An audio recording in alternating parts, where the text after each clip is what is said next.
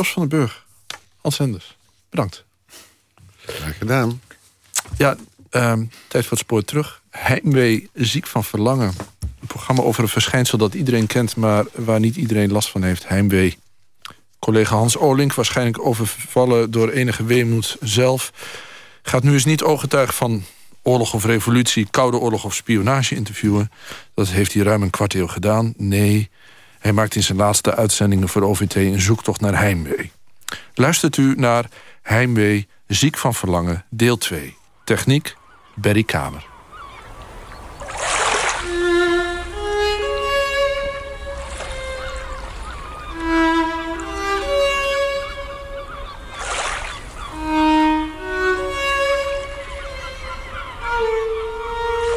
Heimwee is een verlangen naar vroeger, naar de toekomst.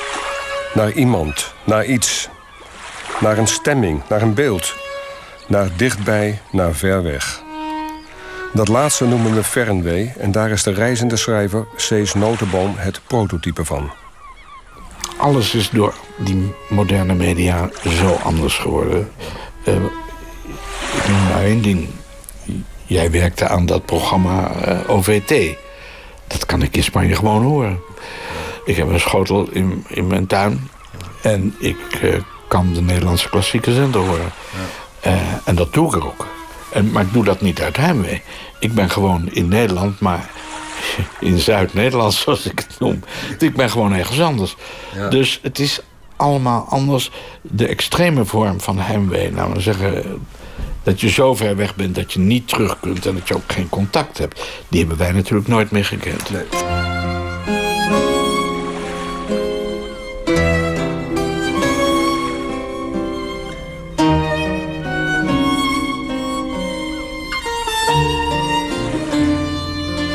Heimwee is niet meer van deze tijd.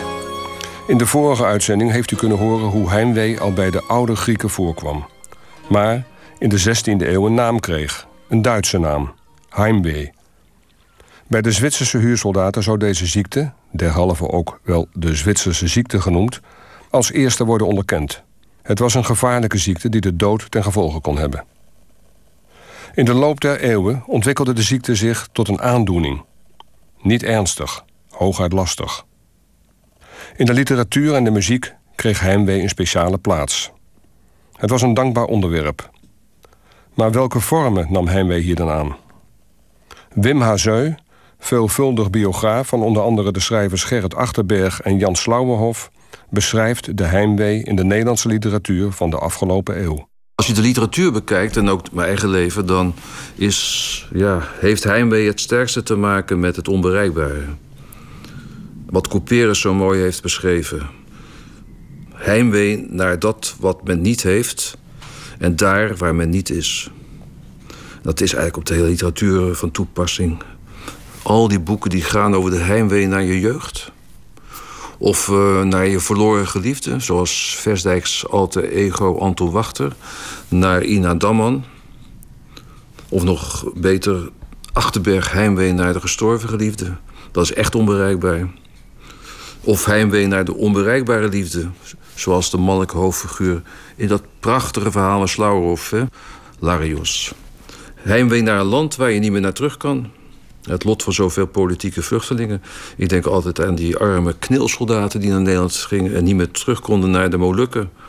En ja, ik ben een liefhebber van de Russische schrijver Makin, die in Parijs woont en die altijd schrijft over het heimwee naar het verloren Rusland, Petersburg. Wat ons allemaal wel in het bloed zit, denk ik, in Nederland, is heimwee naar de zee. Van Slauwhof, van Ronald Holst. Als je in een haven bent. En bij Slauwhof is het dan wel heel gek dat als die in een haven is, dan wil hij weer naar de zee. En als hij in de zee, op zee is, dan wil hij weer naar die vrouw bij de open haardvuur. Heimwee naar wat er niet meer is. De literatuur is eh, vol mee, zoals Martin Toonder naar het ongerepte Ierland. Hij kan ontzettend kankeren op uh, de toetreding van Ierland tot uh, de EEG. Waardoor het hele Ierland in zijn ogen is verstedelijkt. Je hebt ook heimwee naar een land waar je nooit bent geweest, maar in je fantasie hebt opgeroepen. En dan zijn, denk ik ook weer aan Slauerhoff natuurlijk met zijn verhalen over Rusland. Hij had zo ontzettend graag in Rusland willen zijn. Nu heeft hij er maar verhalen over geschreven. Dat is ook een vorm van heimwee. De meest lyrische vorm van heimwee, dat vind ik toch in Portugal de saudade en de vertaling daarvan in de fado. En eigenlijk de poëzie van uh, Slauerhoff zit er vol mee. Als je het goed vindt, dan zou ik het gedicht Saudade van Slauerhoff willen lezen. Ik heb zoveel herinneringen als bladeren ritselen aan de bomen, als rieten ruisen bij de stromen, als vogels het azuur inzingen, als lied, geruis en ritselingen, zoveel en vormlozer dan dromen. Nog meer, uit alle hemelkringen als golven uit de zee aanstromen en over brede stranden komen, maar nooit een korrel zand verdringen.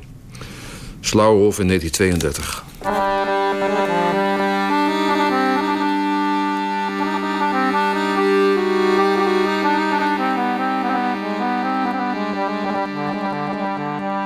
De in 1994 overleden schrijver Aden Dolaert trok in de jaren 30 naar de Balkan. Hij transformeerde heimwee tot een verlangen naar verre horizonnen.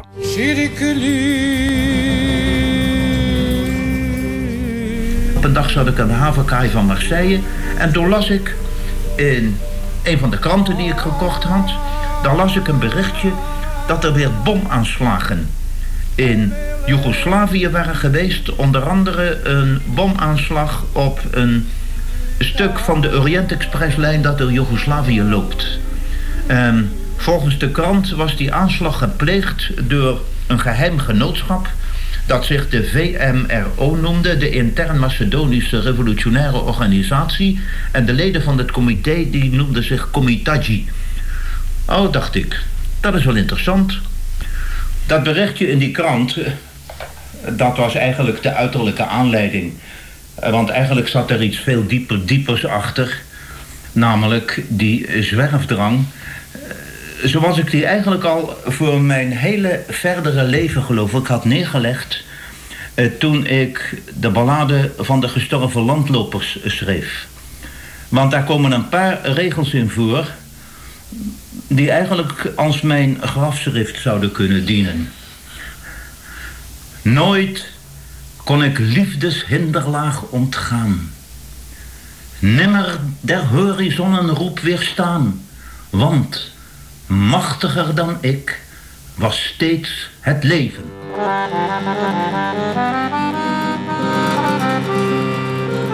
Carolijn Visser, schrijfster van reisverhalen, heeft vele boeken op haar naam staan, zoals De Koude Heuvels van Mongolië, Hoge Bomen in Hanoi, Shanghai Skyline.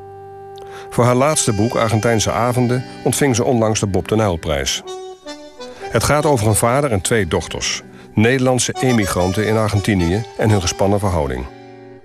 In, verschillende uh, tijdsperioden zijn uh, Nederlanders vertrokken naar dezelfde plek, de Pampas van, uh, van Argentinië. En de eerste die ik volgde, de eerste groep, die vertrok in 1889. En de laatste die er uh, neerstreek, die kwam daar in, uh, in 1950. Die eerste groep, dat waren landverhuizers uh, uit, uit het noorden van Nederland. en in dit geval een Friese familie, Zijlstra. Die waren straatarm.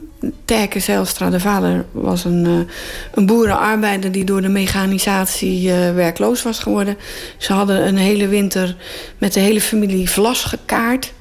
En met, bij een petroleumlampje en een stroopkoper had hem verteld dat uh, zelfs de arme mensen in Argentinië drie keer per dag vlees aten.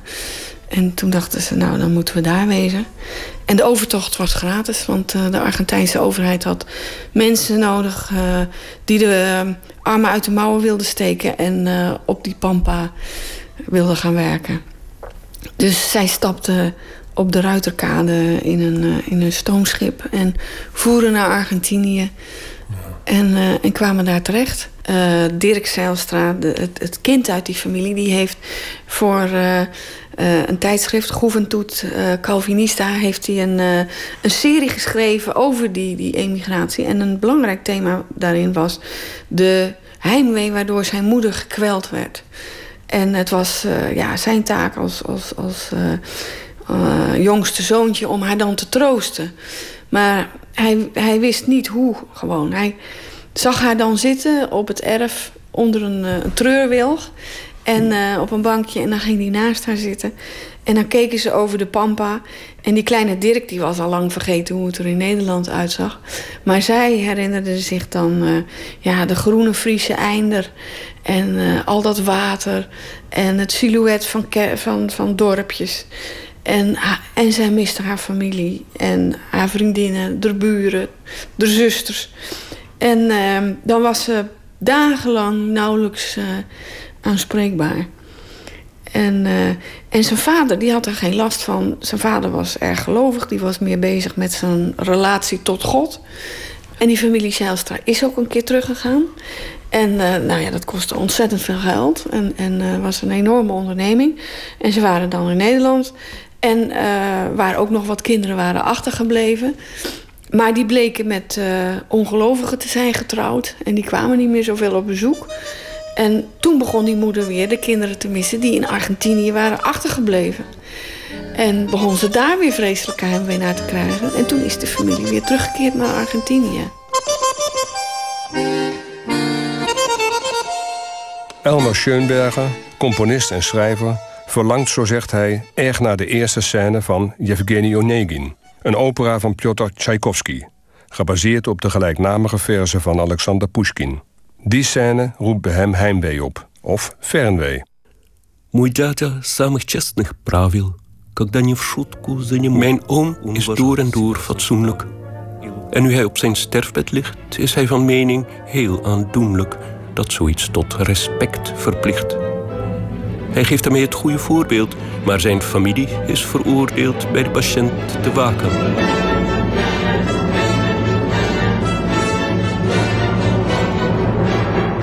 Ja, het begin van die opera, dat sleurt me ergens in. Ergens ver weg, ergens lang geleden. En iets waar ik me enorm in kan nestelen. Um, waar ik naar kan terugverlangen, terwijl ik er nooit geweest ben. Ja, ik ben in de muziek geweest. En het is iets wat, wat ik, denk geen andere kunstvorm uh, zo sterk kan als, als muziek dat kan. Voor mij is dat bijna een, een tastbaar, concreet land ergens achter de spiegel. Behind the looking glass, zal ik maar zeggen. Op muzikale momenten die heel sterk voor mij werken... daar heb ik bijna het gevoel, ik hoef maar één stap te zetten... en ik ben er. Het is heel dichtbij en het is tegelijkertijd heel, veel weg, heel ver weg. En dat, uh, ja, dat wordt inderdaad heel sterk vertegenwoordigd... door het begin van uh, Yevgeny Onegin. Dat uh, Kudato Dajeko... ergens ver weg, daar wordt over, over gezongen. En dat ergens ver weg waarover gezongen wordt... Ik bedoel, zonder dat je dat hoeft te verstaan... dat weet ik nou toevallig dat het dat betekent... maar dat roept, roept die scène, roept die muziek ook heel sterk bij mij op. Maar heb je er een beeld bij? Of heb je er reuk bij? Of is het puur het, het geluid, de muziek? Nee, het gekke... Um, het is heel erg concreet. Het is inderdaad bijna een smaak en bijna een geur en bijna een kleur... Is het prettig? Het is heel prettig, ja. Wat ook frustrerend is dat je net die laatste stap door de spiegel niet kunt maken. Maar is het ook heimwee? Nee, want het, is, het, het, het, het, het, het komt, muziek komt van ver. Dat, dat soort muziek, muziek waar dit voor geldt, is muziek die van ver komt. Dus het is sowieso geen heim, heimwee, maar, maar fernwee. Uh, uh, en tegelijkertijd is dat verre heel erg dichtbij. Maar het is niet een deel van je eigen leven. Ik kan wel zeggen, nou ja, die, die, die Tchaikovsky, die Evgeny Onegin... heb ik ooit voor het eerst gehoord. En ik heb dat stuk toen eindeloos gedraaid. Maar het is niet zoals met een popliedje... Uh, dat je als het ware, uh, waar je ook, dat ook sterke heimweegevoelens kan oproepen... en dat je verplaatst naar die periode dat je 16 was.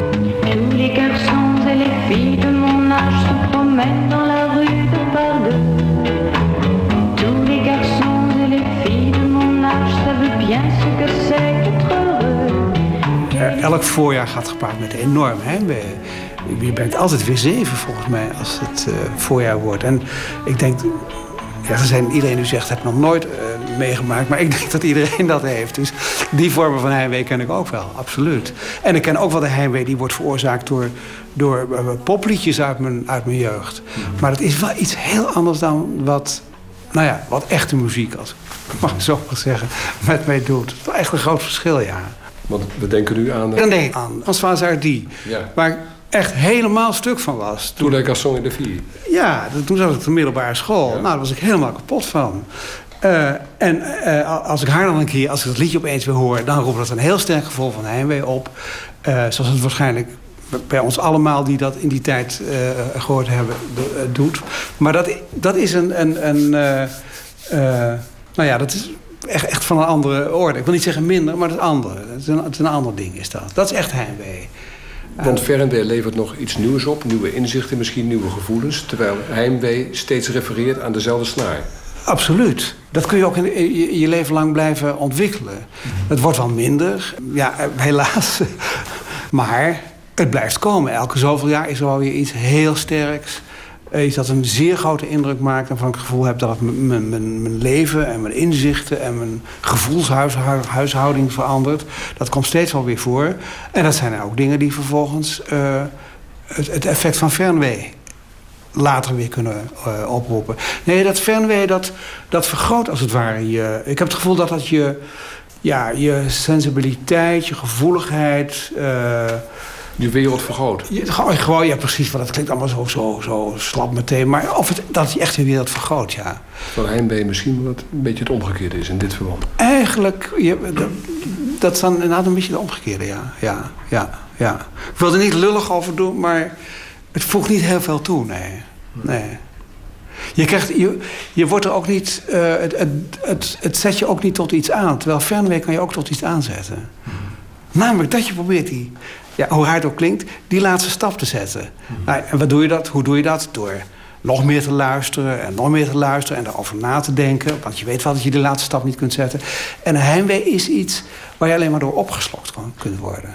En, en fernwee zet ook nog wel op een bepaalde manier tot, tot handelen. Ik bedoel, handelen in de geest. Ja.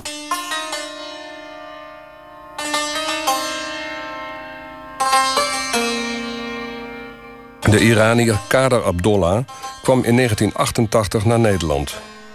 Hij begon te schrijven in het Nederlands en publiceerde tal van romans, waarvan het Huis van de Moskee de bekendste is. Geconfronteerd met een grote mate van heimwee zette hij deze om in literaire energie. Heimwee is uh, terug naar huis. Uh, verlangen om terug naar huis te gaan. Ik wist niet dat het zo en zo menselijk kunnen of mogen zijn. Dat, ik, had, ik had het eerder niet meegemaakt. Maar het, is heel, heel, het was een uh, bijzondere belevenis. Want als je terug naar huis kan gaan... Ja, oké, kan, je, kan je de heimwee een beetje onder je, onder knie krijgen. Of stap je in de trein, in de auto, vliegtuig, ga je terug. Maar zodra je niet meer of niet terug kan naar huis.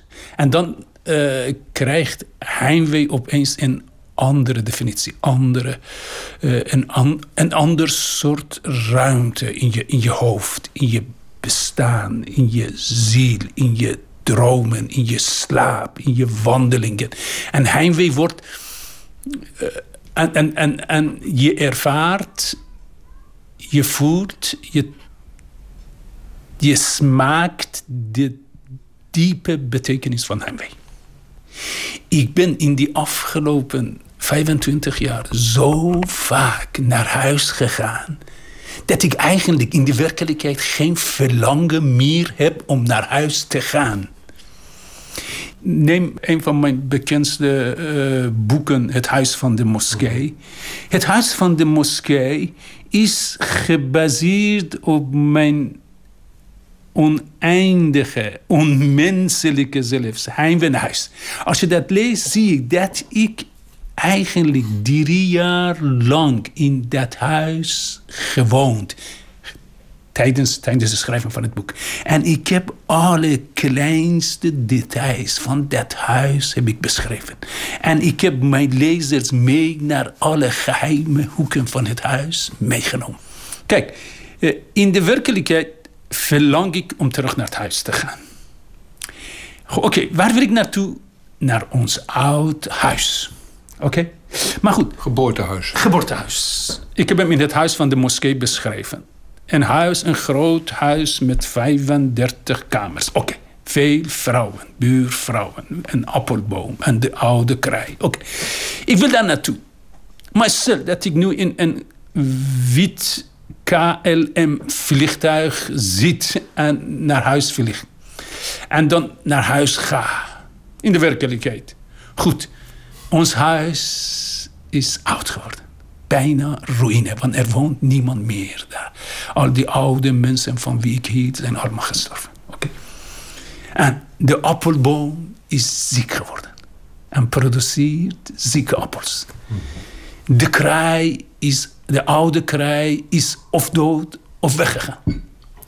De buurvrouwen die in die tijd allemaal zo mooi, zo levendig waren, zijn allemaal oud en oma's en, en wat dan ook geworden. Wat heb ik dan om terug naar huis te gaan? Maar in mijn dromen, in mijn dromen ga ik naar huis. Juist door die enorme, onputtelijke verlangen om terug naar huis te gaan.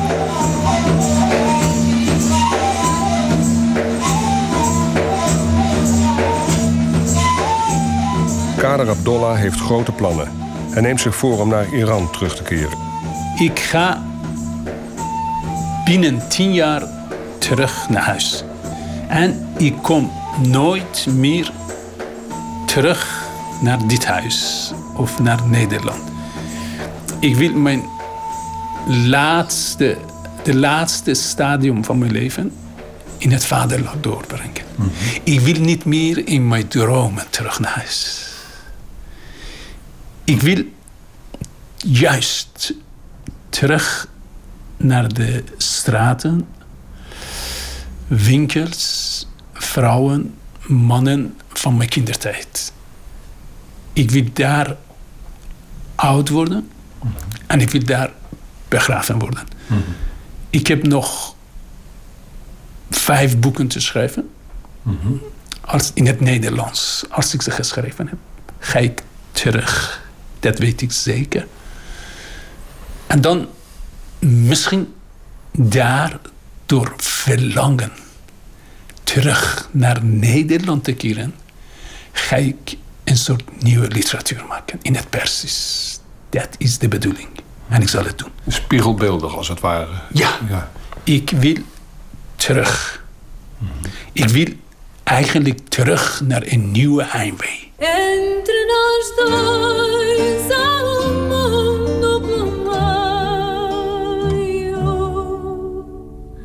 Por vezes de noite, à janela nos detemos, mas são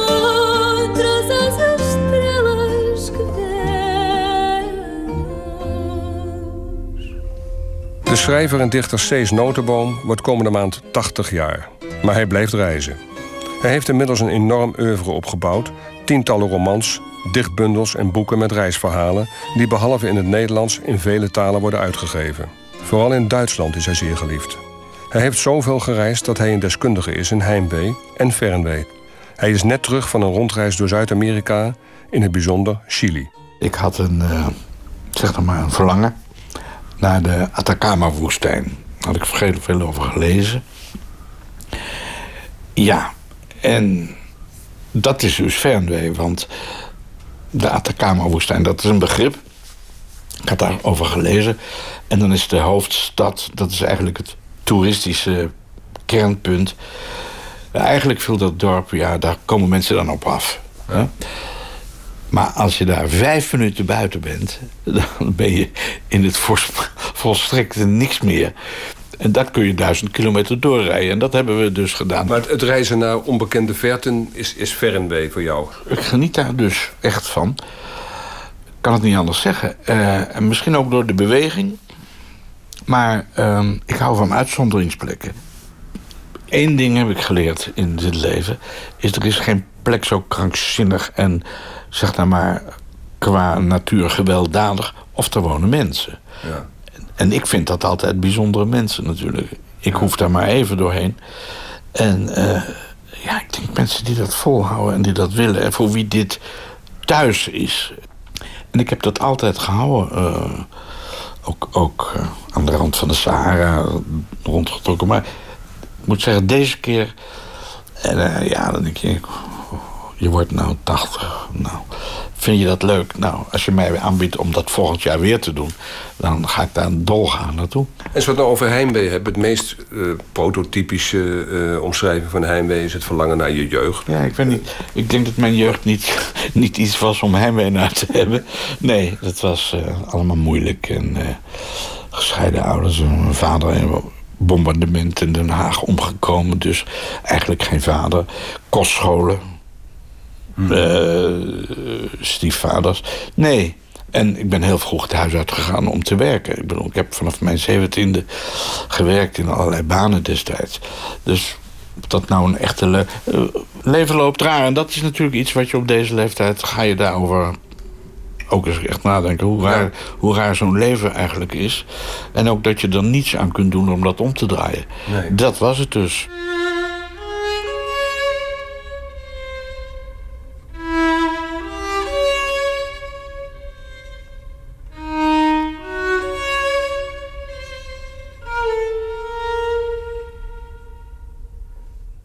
In hoeverre voel jij je verwant met Slauwenhof?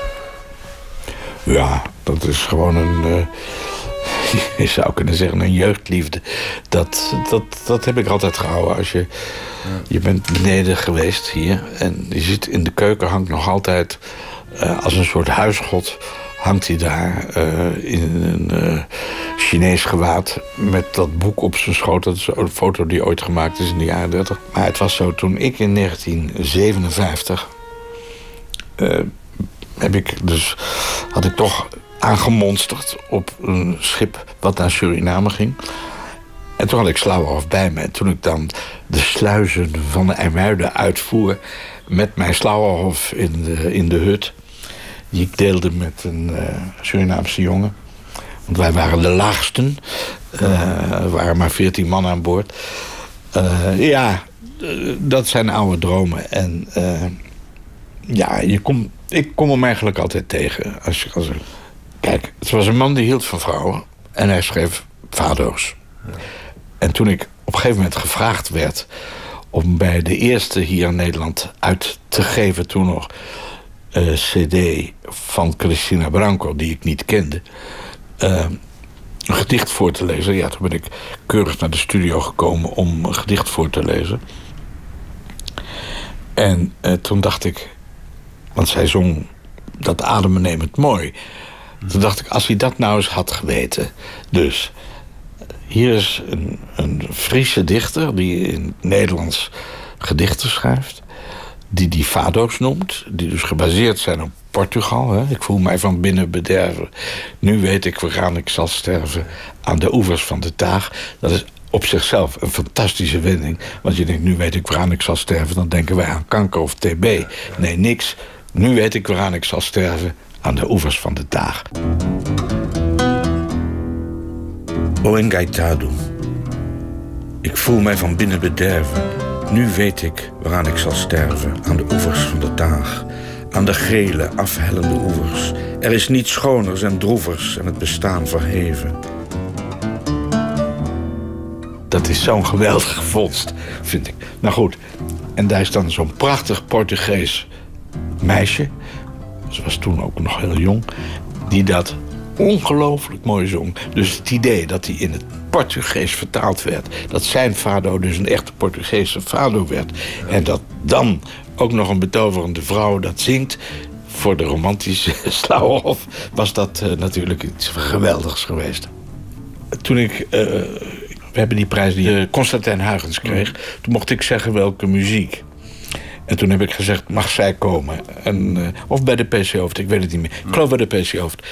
En toen heeft zij daar gezongen. Maar toen mij gevraagd werd... toen ik de grote prijs der Nederlandse letteren kreeg... eh, uit de handen van koning Albert, de koning der Belgen. Mocht ik ook zeggen welke muziek. En intussen had ik iets ontdekt.